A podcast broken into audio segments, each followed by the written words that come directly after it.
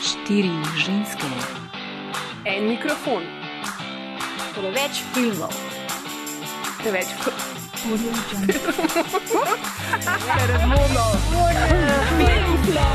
O filmu govorimo, dokler ne teče kri.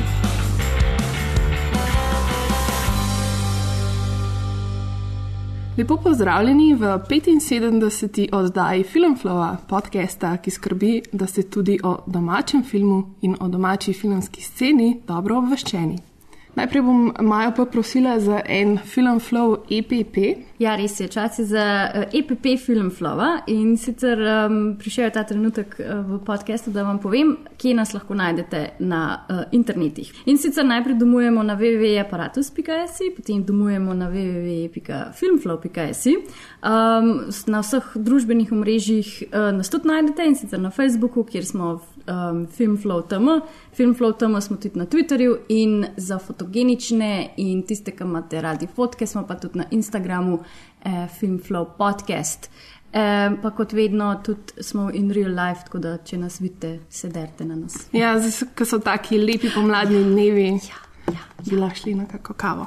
Okay, uh, danes uh, nam v kinotečni dvorani družbo delata dve prav posebni gosti. Marina Gumzi, producentka in direktorica produkcijske hiše Nosorogi, živijo. živijo.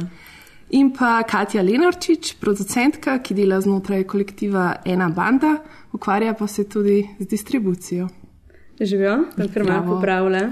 Okej. Uh, ja, ne ukvarjam se konkretno z distribucijo, je pa to tudi znotraj uh, zadev, ki jih počnem pa eni bandi. Okay. Za začetek bomo malo zavrteli čas nazaj in se ponovno spomnili letošnje podelitve Oskarjev.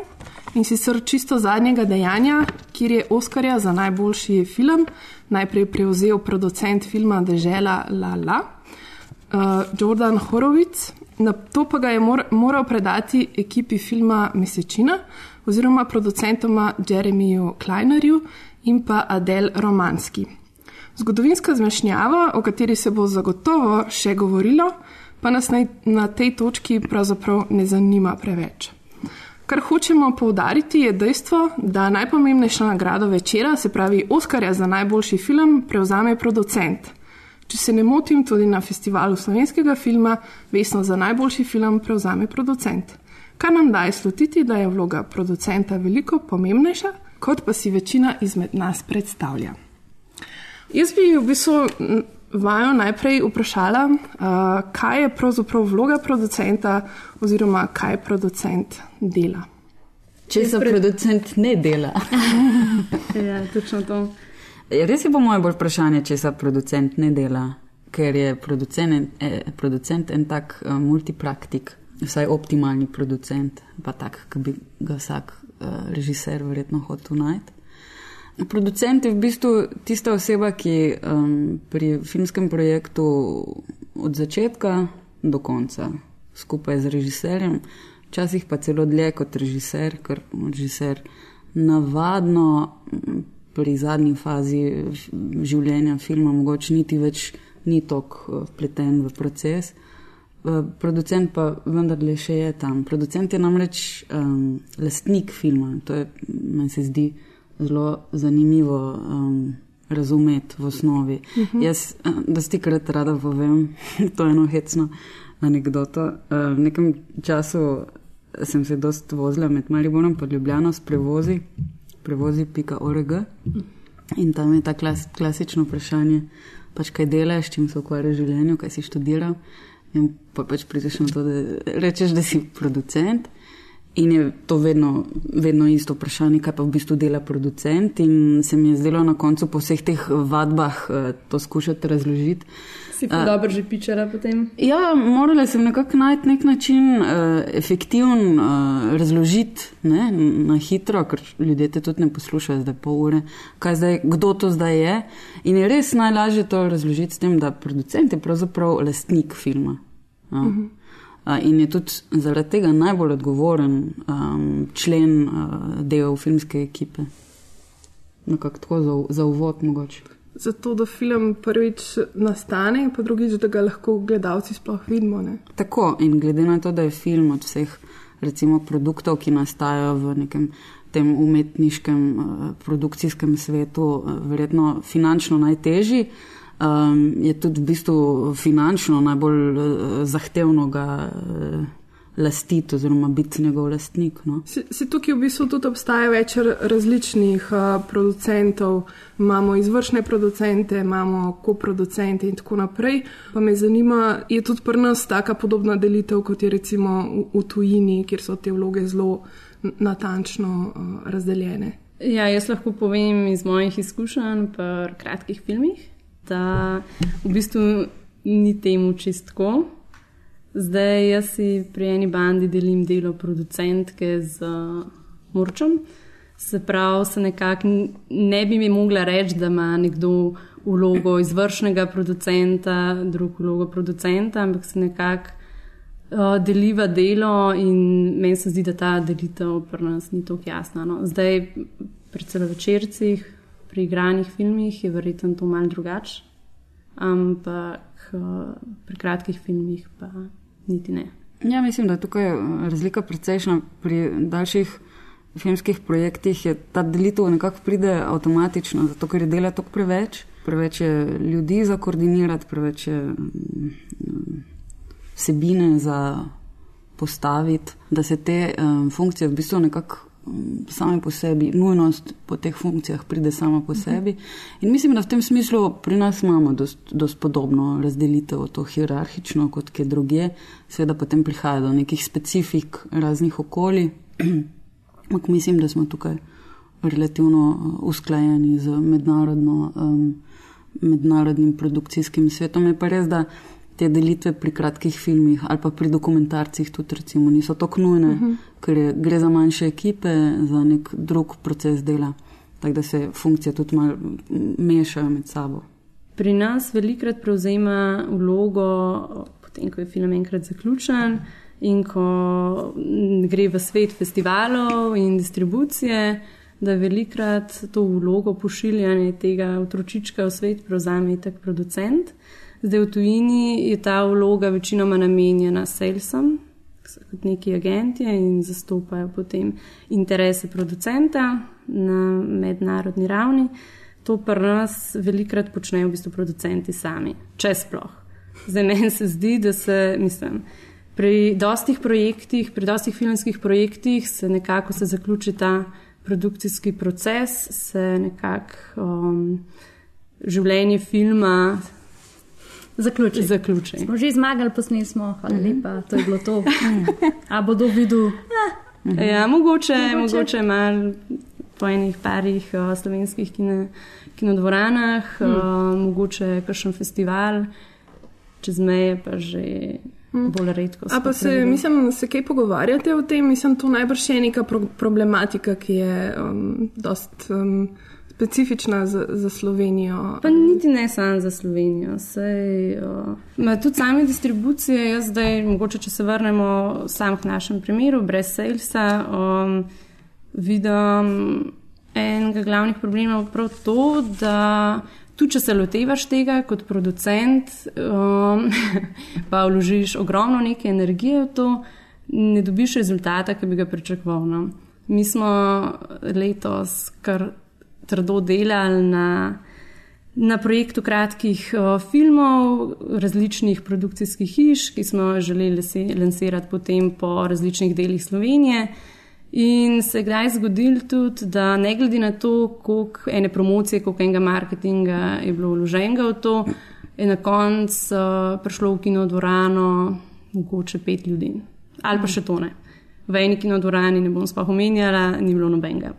Kar se pa tiče o, lansiranja filmov, pa ne kratkih filmov, no, ampak predvsem celovečernih v tujino, se mi pa zdi, da je problem, um, ker producenti, sploh v Sloveniji, um, če želijo sploh konstantno, mislim, če želijo nekako preživeti, bom temu rekla, se morajo ukvarjati s produkcijo. Hmm. Ker oni niso plačani, mislim, hmm. zdaj sama distribucija vzame ogromno enega časa, ogromno energije in uh, ni nujno, pa če za to niso plačani, ne? oni dejansko dobiš ti denar iz same produkcije, ne pa iz, iz distribucije, pa ni toliko zagotovljen. In Salesi so v bistvu nek servis, ki je prav specializiran za to, da se s tem ukvarja mm. in je potem to tudi smiselno, ne? ker to je, to je full-time job. No? To v bistvu je blazno težko. Jaz si ne predstavljam,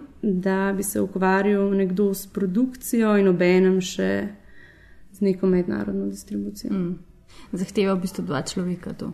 Ja, definitivno. Mm. Pa tudi znotraj Salesa, naprimer, če se ste lažje predstavljali, je že v bistvu ena oseba zadolžena za to, da skrbi za festivalsko strategijo, ena oseba pa za, pa večinoma sta to dve osebi, uh -huh. pa za prodajo. Da, mm, ja.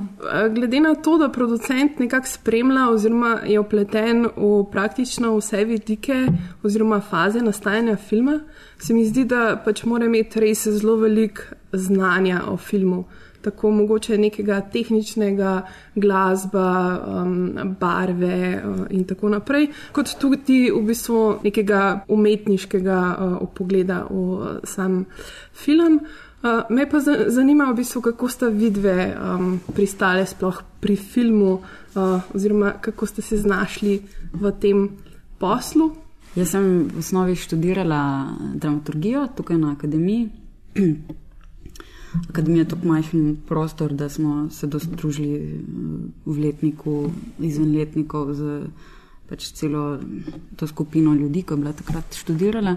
In mene je že takrat, se spomnim, nekako film, um, nekako skoraj bolj privlačil. Uh, Organsko kot uh, gledališče, ampak sem delala gledališče, pa sem šla zadnji letnik. Eh, končati v Berlin in tam se je nekako moj svet precej eh, odprl in ni bilo več nujno zdaj ne iti v Ljubljano nazaj, ne delati gledališča. Pač te vse ene možnosti kreativnega delanja, razmišljanja, dobivanja stvari so se odprle. Hkrati sem se takrat družila z eno skupino režiserjev, mladih um, mladih diplomantov iz akademije, ki so v tem času ustanovili svojo neko produkcijsko strukturo, nosoroge. Uh, tako, ko so prišli iz akademije, so skratka razmišljali, kako bi delali filme, kako bi začeli delati svoje prve profesionalne filme, in se mi ni zdelo, da bi, da bi se zdaj mogoče nujno povezovali z obstoječimi strukturami in so neko svojo stvar ustanovili. In mi smo se družili, jaz sem nekako dramaturginja, nekako z njimi delala, razmišljala. Pa, pa se je nekako izkazalo, da um, znam na nek, ali pa da mi je zanimivo mogoče uh, razmišljati uh, v nekem strateškem smislu o projektih, ne nujno filmskih, gledaliških, whatever, um, mogoče celo boljš kot oni, kar je tudi normalna stvar na nek način. Uh, istočasno se, sem skoraj po naključju našla en, um, en uh, oglas za študij produkcije, kar mi je bilo fulj zanimivo. Um, študij je bil, ful je bil zanimiv, v Nemčiji, pa Franciji, pa v Angliji se, se odvija uh, na dveh um, znamenitih ali pa treh no, filmskih šolah in to se mi je zdelo ful privlačno in nekako sem se prijavila, bila sprijeta. Um, In tako se je v bistvu uh, moja uh, produkcijska pot začela. Ko sem, priš, ko sem končala ta študij, sem počasi prevzela te nosoroge, um, ki jih režiserji, normalna stvar, um, ne da niso znali, ampak ni bilo niti v, njihovih, v, njihovi, v njihovem interesu, da bi jo vodili. Tako se je dost, um, dost organsko, organsko se nekako poklopilo. Ja. Ja, kar se pa mene tiče, pa v bistvu.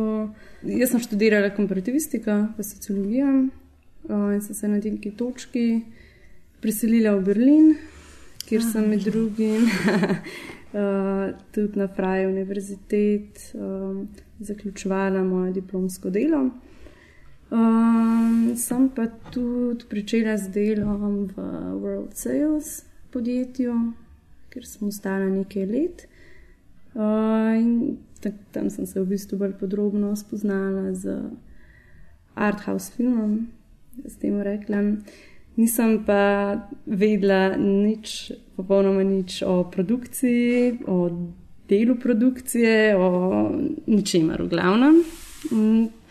Potem sem se zaradi takih in drugačnih razlogov vrnila nazaj v Ljubljano, kjer o, sem po spletu nekih na ključi pristala v kolektivu ena banda in potem so se stvari odvile po svojem. Uh, tako da v bistvu še vedno spoznavam, kaj ne bi bilo delo producenta, to, kar si ti prej vprašala. Uh -huh. um, in odkrivam vsakič znova neke nove naloge, uh, ki naj bi jih producent upravljal, tako da je zanimivo. No.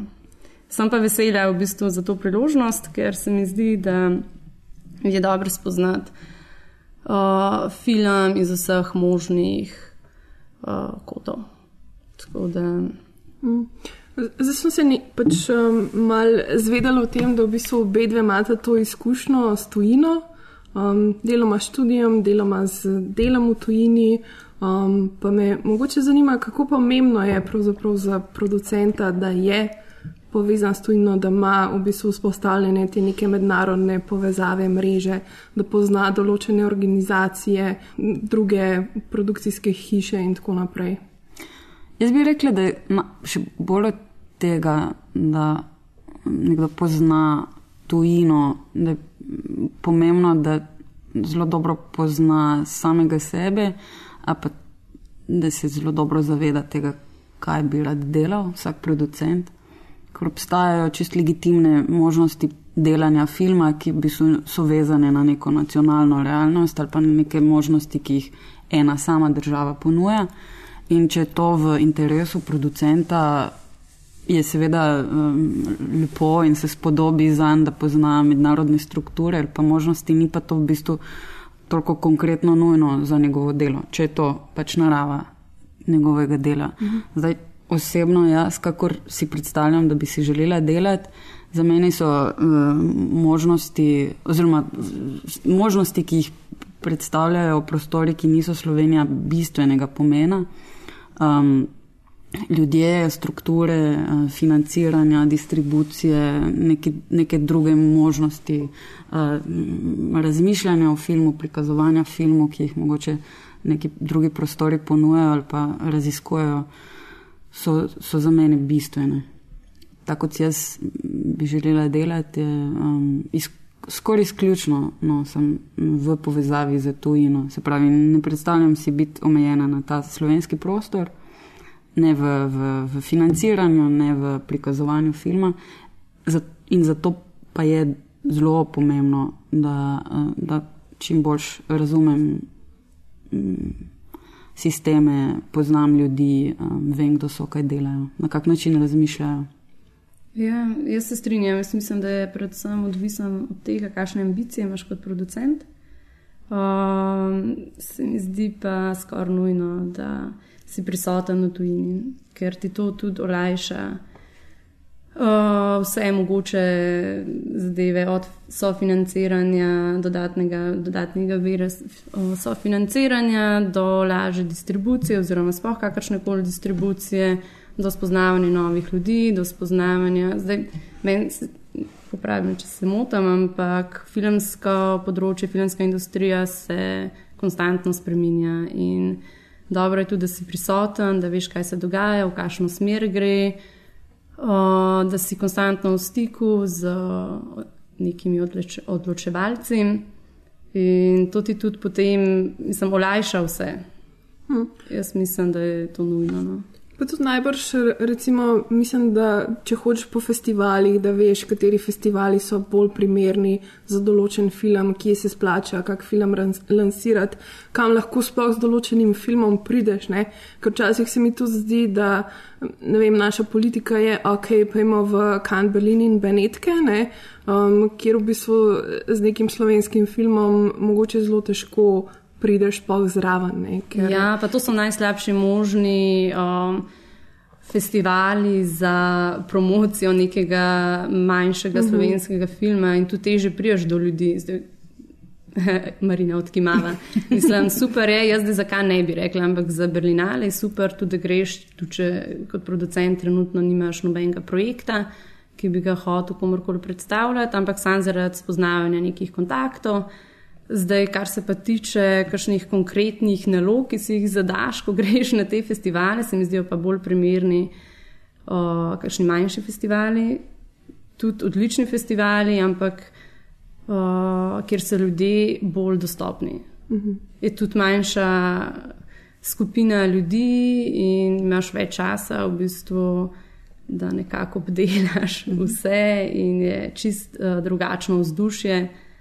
In nasplošno meni se zdi, da imamo tudi v regiji ogromno festivalov, marketov, s katerimi lahko produ mladi producenti začnejo. No. Ni treba tako leteti uh, v kan.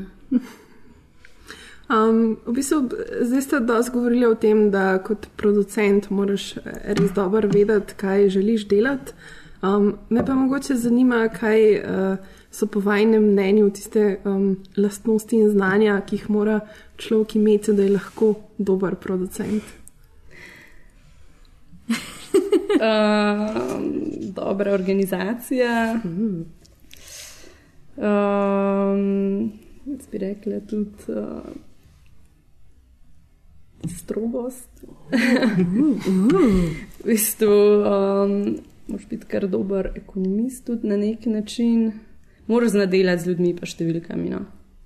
Pa pokriva to zelo veliko različnih področji. Ne? Ja. Basically, boš biti multipraktik. Vse, ja, točno to, kar je Rina rekla. Ja, meni se zdi tudi ful važno, uh, da glede na to, da je film neka skup, delo neke skupnosti, da, da zelo dobro sam sebe poznaš, pa da zelo dobro poznaš ljudi, s katerimi delaš, mogoče najbližjimi sodelavci, da zelo kritično poznaš um, svoje šibke točke, svoje mogoče neke sive lise, osebnostne v smislu znanja. Um, karakteristike um, in tudi režiserjeve te iste lastnosti, ali pa znanja, ali pa neznanja, da jih lahko potem v bistvu kombiniraš z ljudmi, da znaš najti prave ljudi, ki nekako uh, zapolnijo te tvoje vrzeli. To se mi zdi v bistvu bistveno, ker je res uh, toliko ljudi v enem trenutku, sploh pri večjih projektih, um, je vključenih v proces in toliko si odvisen od različnih ljudi, da, um, da moraš se dobro poznati. Poleg tega se pa mi zdi um, tudi zelo fajn, da si, um, da, da, da si uh, radoveden. Radoveden producent je boljši kot neradoveden producent. Ja. Kaj pa uh, imate mogoče kakšne vzornike ali vzornice med producenti in producentkami? Ne, to sem jaz že nekajkrat slišala, to vprašanje, pa vedno sem malo zadregi. Um, ne, jaz sem nekako pobirala malo od ljudi um, neke mogoče karakteristike, če so me, če so me navdihovali. Um, pa ne niti samo od producentov, od, v bistvu od kogarkoli, mm. ki ga srečaš v tem delu, filmskem delu ali pa tudi, tudi širše. No? Mm. Um, to, v bistvu, um, vsaj v tem um, umetniškem filmu, v bistvu to gradiš eno svojo identiteto, uh -huh. da niti ni nujno, da bi zdaj nekoga vzel pa pa, pa bi pa ga prenašal na sebe. Ne veš, ne? ti vidiš uh, rezultate. Mm -hmm, to, ja. Ne veš pa, v bistvu, kako ta človek v bistvu deluje, mm, kako pride to. do tega. Mm. Meni se zdi, da je lahko nekdo tvoj vzornik. Ja. Rabaš vedeti predvsem ja, to. Ker v bistvu pač gre za neke ljudi, ki v javnosti ponavadi niso zares znani. Ker pač režiserji so um, tudi zelo velik, velik del ekipe v resnici, ni ne, neki uh, lučkari, neki um, ne vem, kostumografi. Mislim, to, o teh ljudeh zelo malo slišimo, ne? največ slišimo pač o igravcih in o režiserju, mogoče o DOP-ju. Um, kaj več pa še to ne? Meni se zdi, da je že to malo preveč. Kaj, kaj več pa že, že zelo težko, ne? tako da tudi tukaj je ta, um, v bistvu, po mojem, ta problem, zakaj niti ne razmišljaš. Ne? Zato, ker je to tudi ja, človek v izozadju. Mm, ja, ja, seveda. In to je tudi, eh, meni se ne zdi, zdaj, da bi se mogli karkoli spremenjati, da bi se mogel postavljati producent na zemljevid in se izpostavljati. Ja. Mm. Ni to njegova vloga. Mislim, kar se mene tiče, bi rekla, da ne. No. Ja. Meni je bilo sicer vedno, so me navdihovali ljudje, ko so producenti, ki so uh, imeli radi film. Ne? Ker lahko tudi si producent, čisto enostavno, pa niti ne gledaš filmov ali pa v bistvu uh, obravnavaš film kot neko ekonomsko entiteto. Mm. Gre skozi, ne? Pa Prideš tudi dobri znajo biti. Ja, saj pravim. To so popolnoma Čist legitimno tudi je na nek način. Um, meni je bilo vedno zanimivo, če je nekdo res, um, res uh, imel rad film, no, prav strastno. To me je vedno navdihovalo. A je filmu mogoče zagotoviti uspeh? Je pomembno, da se v bistvu neke stvari res poklopijo med sabo, ali obstajajo dejansko kakšna železna pravila, ki se jih kot producenti tudi držite, obstaja kakšna produkcijska biblija, ali se v resnici, tako kot si prej rekla, ne, da se v bistvu filmski svet konstantno spreminja. Kako pravzaprav v bistvu pač ostajaš um, na tekočem z vsem? Um, Zdaj še vedno razmišljam o Bibliji. je, dober koncept se ti je zdaj. Um, mislim, najprej vprašanje, kaj je zdaj uspeh. ne? Um, če govorimo o nekem komercialnem uspehu ali pa uspehu v smislu nagrade, potem je do ene mere verjetno se da kako, um, kako matematiko iti, do ene mere pa seveda tudi ne, kako praviš, ko začneš delati film, če film traja 3, 4, 5 let, da se ga naredi od začetka, ko se ga začne koncipirati, pa da ga imaš v, v kinodvorani. Danes, tako kot gre hitro svet, je zelo težko predvideti, na čem bo čez pet let eh, neka svetovna, svetovni um, kaj, kaj, kaj mu bo eh, zanimivo, na kaj bo reagiral. Tako da to je mal riziko. No. Producent seveda nekako mora biti verjetno v, v stiku z, z aktualnim dogajanjem na vseh ravneh, političnem, družbenem, um, socialnem, whatever. Um, Ampak v tem smislu je malo riskantno, če, če, če delaš kot producent na ta uspeh. Um, mogoče kakšni ameriški študiji to lažje delajo, mi, mi zelo težko, po moje. Za mene recimo uspeh je, da, da sem jaz, pa režiser, pa ekipa, da, da na koncu vemo, da smo naredili nekaj, za čemer lahko stojimo, pa da smo mogoče koga navdahnili s tem, pa da mogoče v filmu, ki je potem nastal, da se je mogoče zgodilo nekaj več, kar smo na začetku vedeli, da, da, da hočemo narediti, da se je zgodila neka mala magična, uh, magični dogodek. To, to bi bil za mene uspeh, če, kak, um, če se da zaslužiti, še kak cekin um, na ta račun, je tudi lepo. No. Uh, takoj sem se spomnila na en primer, v bistvu, smo jih omenjali, to, koliko je odvisen od zvezd uh, in na ključi, in če je čas primeren ali ne.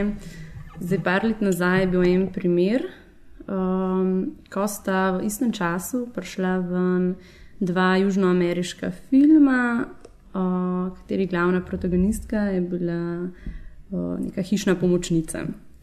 Tematika je bila popolnoma različna, ampak ko je prišlo do tega, uh, vem, ker sem delala z enim od teh filmov, uh, ki je na začetku vzbujal po raznih uh, programerjih, festivalov ogromno enega zanimanja, ampak potem je prišlo do tega, da ko so imeli na pladnju dva filma, je bilo že to, da sta oba iz Južne Amerike, mm. en je bil brazilski, en mehiški.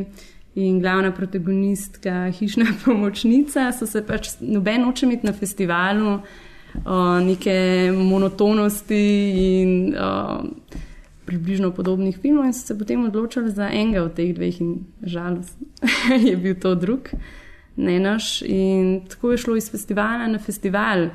In, in težko verjeti, ampak dejansko je tudi odvisno od tega, če bi, na primer, film prišel ven. Ali so bili pa to izgovori, ki sem se jih potem jaz uh, govorila. Ampak, če bi film prišel ven en let prej, oziroma en let kasneje, bi bile stvari vsaj drugačne. No? Tako da se neke, nek osnovni recept, mislim, recept je, mislim, če imaš, mora biti neka podlaga, mora biti dober scenarij, mora biti primeren režiser, to že ne. Ampak kar se pa tudi naprej dogaja, je pa na neki imaš lahko vpliv, na neki pa ne. Mhm. Kako pa, eh, naprimer, veste, kateri projekt oziroma koga boste vzeli pod okrilje svoje produkcije? Uh, kako recimo izbirate projekte? Um, vaju zanimajo kakšne točno določene teme, bolj art film, bolj komercialni film, malo o, o tem. Zdaj, nosorogi so nekako si v zadnjih letih um, zastavljeno identiteto dost um, jasno. Mene zanima avtorski film mladih um, režiserjev. slovenskih, regionalnih, in po drugi strani uh, delo z um, ustreznimi mednarodnimi partnerji. To sta dve, dve liniji, ki jo skušam nekako zasledovati. Kar se tiče izbora uh, režiserjev ali pa projektov, uh, imam eno svojo politiko, ki izhaja iz nek, nekakih iz um, razumevanja filma v današnjem svetu. Jaz mislim, da je filmov absolutno preveč. Um, ljudi, ki se ukvarjajo s filmom, je nažalost tudi preveč, glede na, na to, kako v bistvu um, svet nekako jemlje ta film zase. In te filme, ki so, se mi tudi zdi, kako jih spremljam, mogoče ta evropski art film, so vse manj dokončani, nekako tako, tako je moje mnenje. Zdaj ne mogoče te, ki pridejo k nam, ki so to vseeno Je že verjetno- izbor. Je že izbor, ampak uh, vsa ta masa filmov je strahovita, ki se dela, konsta in konstantna mašinerija, ki producira filme. Skratka, hočem reči to, da um, ta moja filozofija je, da je treba delati manj, pa je treba delati boljše. Mogoče tudi, če se da, boljš financirane filme, um, dokončane filme. In zaradi tega skušam nekako delati na najmanj možno, možnem številu filmov, da še nekako lahko uh, uh, produkcija funkcionira. Se pravi, da lahko še plačujem računovodkinjo in uh, internet za pisarno. Um, Čist konkretno to pomeni, da zelo, zelo, zelo um, selektivno um, izbiram ljudi, s katerimi bi rada delala. Zdaj to v teoriji, se ne delam deset let. Um, in nekako skušam z intuicijo tudi delati. Pa zelo mi je važno, da so režiserji um, tudi radovedni, pa da poznajo tudi uh, mediji. Meni, se, meni je zelo važno, da režiser razmišlja o mediju. Ni nujno, da, to, um, da ima diplomo iz filmske šole, ampak nekako razume medije ali pa skuša razumeti medije in to konstantno um, um, gradi svoje znanje v mediju. Zdaj, po mojem, je dobro, da tudi omenjam, zakaj sploh ena banda nastala. Je to kolektiv ustvarjalcev, ki so si želeli delati filme. In ker ni najlažje dobiti nekega producenta, ki bi produciral film, ki jih mladih, še nepoznanih režiserjev, so se lotili tega sami in tako je nastala najprej Smehomat, potem ena banda. In je nekaj let v bistvu delovala tudi v tem okviru, pač produciranje filmov um, ljudi iz kolektiva. Zdaj se pa je tako, seveda, uh, odpiramo in iščemo nove talente uh, in sprejemamo, sem si želimo delati z ljudmi tudi izven ožjega kolektiva. Se pravi, um, nimamo, nismo pa omejeni, kar se neč, ne tematsko. Ne, gre se samo za to, da iščemo neke sveže pristope, neke sveže zgodbe, režiserje, scenariste in pač nas morajo v bistvu scenarij pritegniti. Potem pa naprej od tam. No. Nimamo pa zdaj neke začrtane tematske ideje o tem, kaj, kakšne filme hočemo mm. producirati. Veliko gledam slovenske filme, pa jih rada tudi gledam.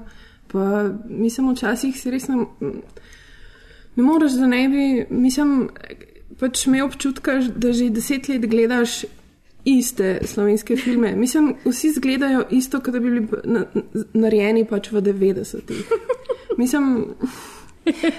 In- se mi zdi, da je to pač problem, ker so pač vedno iste ekipe, isti ljudje, ki se pač mentalno niso očitno ne vem, premaknili v neko novo obdobje ali ne spremljajo niti, kaj se dogaja. Pač jim je to bilo udobno tukaj v Sloveniji, da se jim niti ni bilo treba. Težko je biti zdaj, predvsem eh, sploh v etru, um, um, radikalno kritičen, pa bi človek lahko bil, ne? Pa tudi v bistvu verjetno ni produktivno, da smo v tem trenutku. Je pa dejstvo, da se neke strukture tu nek čas niso um, kontinuirano obnavljale, generacijsko. Zakaj je bilo to, se pravi, verjetno obstajajo razlogi. No, ampak jaz sem v tem smislu optimistična glede slovenske filmske prihodnosti. Mislim, da so Več mladi, kot- mladi definitivno. producenti, najni kolegi, ki so vsi nekako um, tudi optimistični, da so mladi avtori, da se te neke ekipe sestavljajo skupaj. Um, jaz mislim, da bo v tem smislu lahko sam boljše, kar pa rabimo, nujno rabimo, pa je neka drugačna finančna realnost. Ker s tako, kakršna je zdaj, pa ne bomo preživeli. To pa je dejstvo. Ja, mislim, ta finančna realnost, o kateri zdaj govorimo, preprosto sili producente in produkcijske hiše, in da to tudi naša produkcijska hiša počne, da se poleg posvečanja filmom ukvarja s produkcijo uh, reklam, oglasov in teh zadev. Ne? Ampak um, problem v tem je pa prav to, da je težko najti polnik balans. Jo, več, ko se ukvarjaš o, z produkcijo komercialnih zadev, manj časa imaš za, za nekomercialne. Ja, gotovo. Ja, in, mogoče jo, ja, in postaja kot n- produkcija kratkih filmov, dokumentarcev, kakorkoli, um, nek hobi, v bistvu, popodanska dejavnost. To se mi zdi, mislim, ena zelo, zelo velikih problematik. Ne? Da danes vsi mislijo, da se da umetnost dela narediti v treh tednih. Mislim, vsi pa vemo, da temu ni tako, ne? da določene stvari rabijo čas, rabijo razmislek, rabijo pač Razvoj. razvoj in tako naprej. In zdi se mi, da se skozi bolj oddaljujemo no, od, tega m- mišljenja, zato mi je tudi tako všeč pač ta tvoja ideja, uh, ki si jo značna, mislim, da na Facebooku objavila za ta slow film production, production movement. Um, Ker se mi zdi res, pač, da je to nekaj, kar um, vsi uh, vedno bolj uh, kritično rabimo, no? čas. čas za, za nek, mm. neko refleksijo. Ne?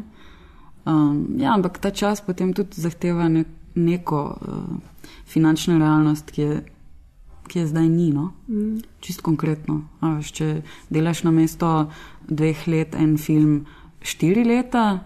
Tudi, če mm, hočeš, ali pa tudi, če rabiš minimalno uh, mesečno plačo, ali pa manjše kot minimalno, um, je to vseeno enkrat več denarja, ki ga nekako moraš najti za, za projekt. Mm. Um, ste pa v bistvu, se mi zdi, tudi kot odgovor na vsa ta vprašanja, ki jih tudi danes uh, zastavljamo. Pred kratkim pod okriljem stanovskega društva ustanovili sekcijo Prodorni producenti. Um, pa me zanima, tako, če mogoče malo bolj konkretno poveste, iz kakšne potrebe so nastali, pa kaj so neki vaši cilji. Za uvod, jaz, ko sem prišla torej v Slovenijo, um, je, se mi je zelo kritično, ker se kot mlada uh, producentka ali pa nekdo, ki si je želel ukvarjati s produkcijo, se nisem pravzaprav mogla vključiti v nobeno obstoječo stanovsko društvo, mm. kar je uh, neverjetno. se mi je zdelo takrat, če danes se mi zdi. Um, obstoječe strukture nekako niso um, bile odprte za, za čist uh, zelene, nove, um, um, nadebudneže. Um, potreba potem, da se ljudje z neki, z, na neki isti stopni izkušenj, znanja družijo, um, delijo ta, te svoje izkušnje ali pa neizkušnje, pa je stara, kot je star svet, verjetno. In jaz sem v bistvu strahovito ponosna in vesela, da smo se nekako um, ta ena skupina mladih producentov, ki obstaja v Sloveniji, da smo se uh, združili, da smo prepoznali to potrebo, da bi se čist konkretno dobivali, pogovarjali, delili neke svoje neka mnenja, izkušnje. Um, mogoče celo skupaj kako stvar um, organizirali, pripravili, um, kakšno pobudo mogoče tudi uh, komu uh, posredovali. In smo lani jeseni, ne, Ja, nekako se oktobra, Oktobra, ja. smo se prvič zbrali, um, nadeli smo si um, navihano ime Prodorni producenti, ki je neki par obrv je že dvignila, ne. pa z, uh, spodbudili par komentarjev. Oh, wow. Ja. Kakšnih komentarjev? Kaj- Ne, ne. Ne? Okay. Ja. No, če smo mi prodorni, kaj so ostali, ki niso, ki, ki Med drugim to je. med drugim. Okay. Uh, En, en uh, čist simpatičen pa je bil, da smo torej nekakšni buht, buhtli. No, ne? tega sem imela, da Nisi to nisem hotela deliti. Shajajoči, ja, a ja, shajajoči producenti. Uh, napisali smo dost hitro uh, si prav konkreten uh, delovni letni načrt, um, ki se ga tudi držimo. Enkrat na mesec um, vabimo v, v svoje loge um, gosta, kar je v bistvu super izkušnja. Res še enkrat nekako ne razumem, zakaj se to pred, pred nami nihče tega Jaz ni spomnil. sploh ena redkih, ok, to se grozno sliši, ampak mogoče res no, ena redkih prednosti, ki jih ponuja o, Slovenija, je to, da je vse tako malo in da so ljudje, ki ti Dostopni. lahko pri čem pomagajo, dostopni so z sosednjim vogalom, kakorkoli v sosednji pisarni. In uh, ja, je to edino, edino smiselno. Absolutno. Ta neka splošna potreba po komunikaciji znotraj filmskega um, področja je, je, meni se zdi toliko očitna, da je res uh, vprašanje, zakaj se tega mogoče ni predtem kdo spomnil. Pač včeraj, ko sem večkrat brskala po internetu, sem našla sicer iz leta 2015 eno listo 30 najplivnejših holivudskih producentov, na kateri sta bile dve ženski. Um, pa se mi mogoče malo zanima, kako se vidve um, kot ženski poču, počutita v, v tem svetu, producentskem. Um, pa če sta zato, ker sta ženski, če se vam zdi, da delata kako drugače kot vajni moški kolegi, ali naletite na kakšne drugačne pre, prepreke.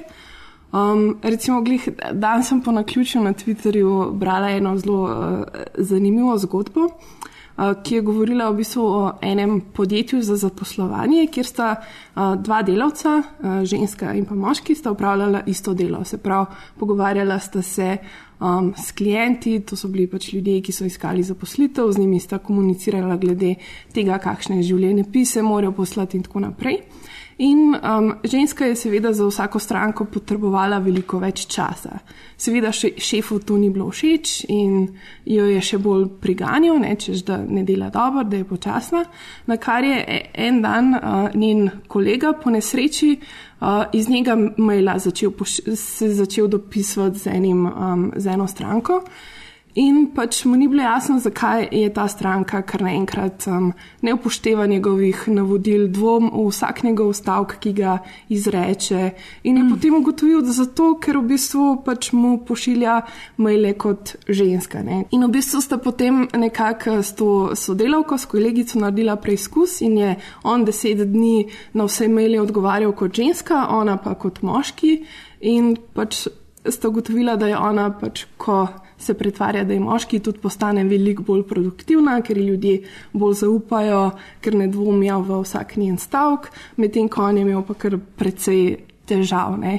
In je ugotovil, da je v bistvu pač zelo velika razlika um, v tem, kako te dojemajo kot. Um, Jaz bi se mogoče sam vrnil na čist na začetek tvojega vprašanja. Mogoče se mi zdi malo sporno primerjanje hollywoodskega modela z evropskim. Mm -hmm. Ja, se to, to je bil bolj kot en. Aha, istočnica. Ja, Okay. ja. um, drugače pa jaz, uh, jaz mislim, uh, če bi vzel, pa zdaj se samo na, se bom osredotočil sam na Evropo, mislim v bistvu, da prevladuje um, število ženskih producentk nad moškimi producenti. To je kar pogosto že tema pogovorov, jaz ne vem, če se mi da o tem pogovarjati. Kako je mo zakaj so moški uh, večinoma režiserji in ženske producentke? In zakaj pa v Hollywoodu vse bolj sam na tipih? To bi meni o tem, uh, mi, bi mi bilo zanimivo, like, zakaj je tle v Evropi nekako to tako malo drugače, v Hollywoodu pa meni ne. Ampak Veš kaj, ena, ena zelo, um, zelo očitna sprememba mm. je, ki po mojem tudi to, to razliko generira, da enostavno v Evropi um, producenti uh, handlajo z, z denarjem, mm. ki ni pravzaprav njihov, mm -hmm. ko je davkoplačevalski mm -hmm. ali pa proračunski denar. Uh, studijski hollywoodski sistem pa uh, Z lastnim z denarjem, v lastnim bistvu. Mm. privatnim denarjem up- upravlja. Tako da verjetno tukaj je neka razlika. Ne bi si zdaj um, na, na hitro upala um, razvijati kakšna konkretno. Ampak mislim tudi, uh, se strinjam, oziroma po mojih izkušnjah, um, mislim, da je uh, ženskih producentk v Evropi vsaj toliko kot moških. Ja, zato ker mislim, jaz mogoče pač o tem tudi malo več lahko prebereš, ker je veliko več materijala. Um, ker sem tako lani, ko sem pisala o tem filmu Wild, sem brala, da v bistvu veliko več um, ženskih tudi igralk v Hollywoodu in tako za, so začenjali, začenjajo odpirati svoje produkcijska podjetja, uh -huh. da lahko nekako v bistvu um, producirajo tudi vloge, ki so um, boljše ženske vloge, da govorijo zgodbe, ki njih nagovarjajo, da v bistvu vsi morajo same pač izboriti ta prostor. Um, tako da pač me je v bistvu tudi ma, malo zanimalo, če pač vidve imate tudi v bistvu neko to den, tendenco, da, da bi se bolj posvečali nekim ženskim zgodbam, da bi bolj sodelovali tudi uh, ženskim, ženskim uh, režiserkam, um, kakšno je pač vajno mnenje glede, glede tega. Jaz osebno čutim neko določeno odgovornost, da, se o tem, da vsaj o tem razmišljam. Um, zdaj težko bi rekla, da bi se odločila um, delati film sem zaradi tega, ker ga delam kot ženska režiserka ali pa ker obravnava neko žensko temo. Uh, kljub temu pa imam to nekje v, nekje v zavesti um, in se mi zdi strahovito pomembno tudi um, paziti na neko ravnovesje v perspektivah, ki se ponujajo v, v, v, v kinu ali pa v, v literaturi ali pa kjerkoli. Ker če smo se prej, pač, ok, zdaj pač smo imeli Hollywood pa Evropo, kjer pač smo ugotovili, da je ta delež približen enak, sam se mi pa zdi, da tudi v Sloveniji, pa predvsem kar se tiče režiserk in um, žensko filmov, pa je tudi še, še zelo problematično. Ne, Ne, nismo, skupaj. nismo enakovredni, Ja, nismo ne. dosegli um, balansa v tem smislu. Ne? Uh, ja, bilo bi definitivno super, ampak uh, zdaj, uh, če vse je pač odvisen od, od projekta, od scenarija, zdaj, če pač uh, imaš ti na mizi um, scenarije samih režiserjev in nobene, mislim, scenaristov in nobene scenaristke oziroma režiserja, se v Sloveniji je to, da so vloga, ki jo prevzame pol tudi režiser.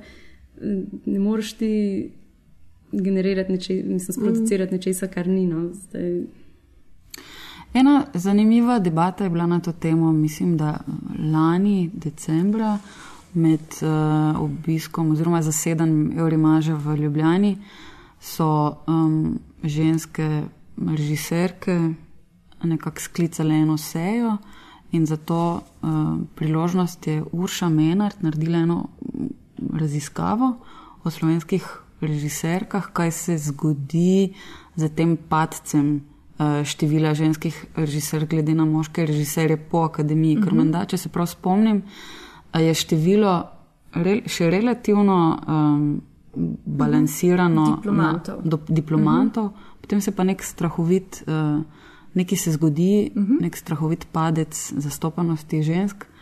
V tem poklicu, in potem so, mislim, da tudi prisotne malo razmišljale, kaj je vzrok temu. a so prišle do ugotovitve? Mislim, da je ne- nekako bil najproblematič, najbolj problematičen ta naš status, ki um, mamam predvsem nekako ne zagotavlja, um, jih ne ščiti na nek način. Mm. Um, se pravi, ta status samozaposlenega v kulturi. Mislim, da je bilo to izpostavljeno kot zelo problematično. In če se prav spomnim, se to je bilo treba uršo vprašati, smo razmišljali tudi nekako o vzornicah, ki jih imamo, ker sicer nekaj slovenskih režiserk je. Uh -huh. Ampak, če nimaš konstantnega nekega vzora, na kak način lahko preživiš ali pa delaš kot ženska, uh, potem tudi mlajša režiserka nekako mogoče ne bo uh -huh. našla ene ene linije, no, mm. ki bi lahko bila istočnica, vsaj zdaj se ne bo delala isto, kot dela ena starejša režiserka, ampak je vsaj tam neka mm. možnost. Žensk, kar je. Jaz bi tudi rekla, da je tudi veliko tega, po mojem, tudi odvisen, kar si ti prej omenjala, ta zaprtost. Ne? Zato, ker če si jaz predstavljam, da imaš ti en old boys club, ki je pač fajn, vas je zaprt, pa se imajo oni fleten, je, grem s glavo stav, da enemu mlademu diplomantu tipu veliko lažje je mogoče pristopiti zraven, pa neki začetku, ker pa mogoče eni diplomantki.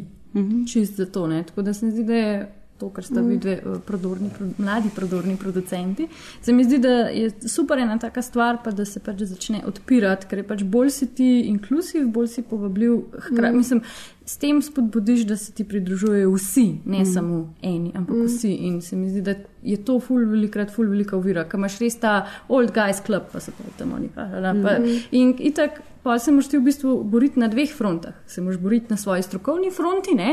da ni- in pa še na tej neki uničist, da lahko jaz hengam tle normalno z vami kot človek, ne pa kot tajnica. Ne? Dvojni, dvojni fajt moraš zmeraj delati. Ja, zelo se strinjam s tem. Pa tudi dejstvo je, da ta drugi fajt je dost neviden. Ne? Aha, o ja, o ja. Pa velikrat je v bistvu dost um, hujši, pa dost bolj naporen, mm -hmm. kot pa pač v nek strokoven. Tam mm -hmm. se žene, medtem ko unga. Un je pa ongoing, always. Um, mogoče še za konec eno tako vprašanje, bolj um, domišljijsko. Uh, s katerim slovenskim režiserjem ali režiserko bi si najbolj želeli delati, zakaj in kakšen film?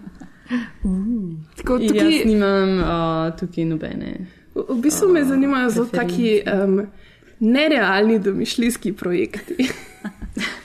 Jaz čisto iskreno bi si želela delati s točno temi režiserji, s katerimi delam, na teh projektih, na katerih delam, in na novih projektih. Um, Zadnjič sem se pa poigravala z mislijo, in ne vem, ne vem, če je to moj odgovor, ker je bila vendarle sem mentalna igra, na kak način bi bilo delati z um, okornom. Res, poigravala sem se s to mislijo, um, kakšna kombinacija je bila to, na kak način bi on sploh delal zdaj v Sloveniji, kaj, kak, na kak način razmišlja. Um, tako, no. Zanimivo. Ja, res. Pri meni ne gre se toliko za samega režiserja, v bistvu, kot za posamičen projekt in tega res ne odstopam. Um, da, Ali res, jaz, jaz pa uh, drugače gledam na to. a res. Ja, jaz pa, no, seveda je tudi Mislim, projekt. ni zdaj, ne bom rekla, da ja, ta režiser res moja želja za vsako ceno, želim se delati. Ne, mogoče pa njegov naslednji projekt ne bo to. to ne. Ja, se, se tukaj sem bolj mislila tako neki ta neka idealna kombinacija, da imaš super zgodbo in imaš dovolj denarja in zbereš najboljšo ekipo in kdo hoče. Pa, pa ne bom rekla, da ne bom jinxala. prav. Mislim, da je to, to za danes, da smo bili kar izčrpni, da smo uh, kar ene par stvari povedali. Um, če bi mogoče Katijo ali pa Marino želeli še kaj dodatnega vprašati, se mogoče lahko zglasite na kakšnem sestanku prodornih producentov. Sestanku, Oziroma srečanju, Srečanju, okrogli mizi. kavici, druženju, uh, karkoli. Mislim, da je dejansko kombinacija mogoče vsega tega. Um, jaz bi se vam res lepo zahvalila, da ste si vzeli čas. Da ste Seveda, hvala za povabilo. Hvala vam, res, ja, vam. Kaj bomo naprej delali, pa mislim, da trenutno še ne vemo. Uh, to je pa zajudno, kjer ga smo danes eh, desetega snimamo, samo še 20 dni do konca meseca, mi pa še nimamo filma izbranga. Šit. To bo, to bo.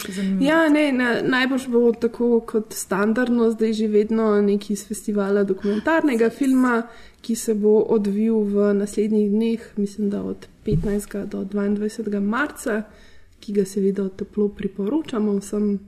Um, drugače pa, adijo. Bye! Čau. Čau. O moj bog, jaz moram lulati.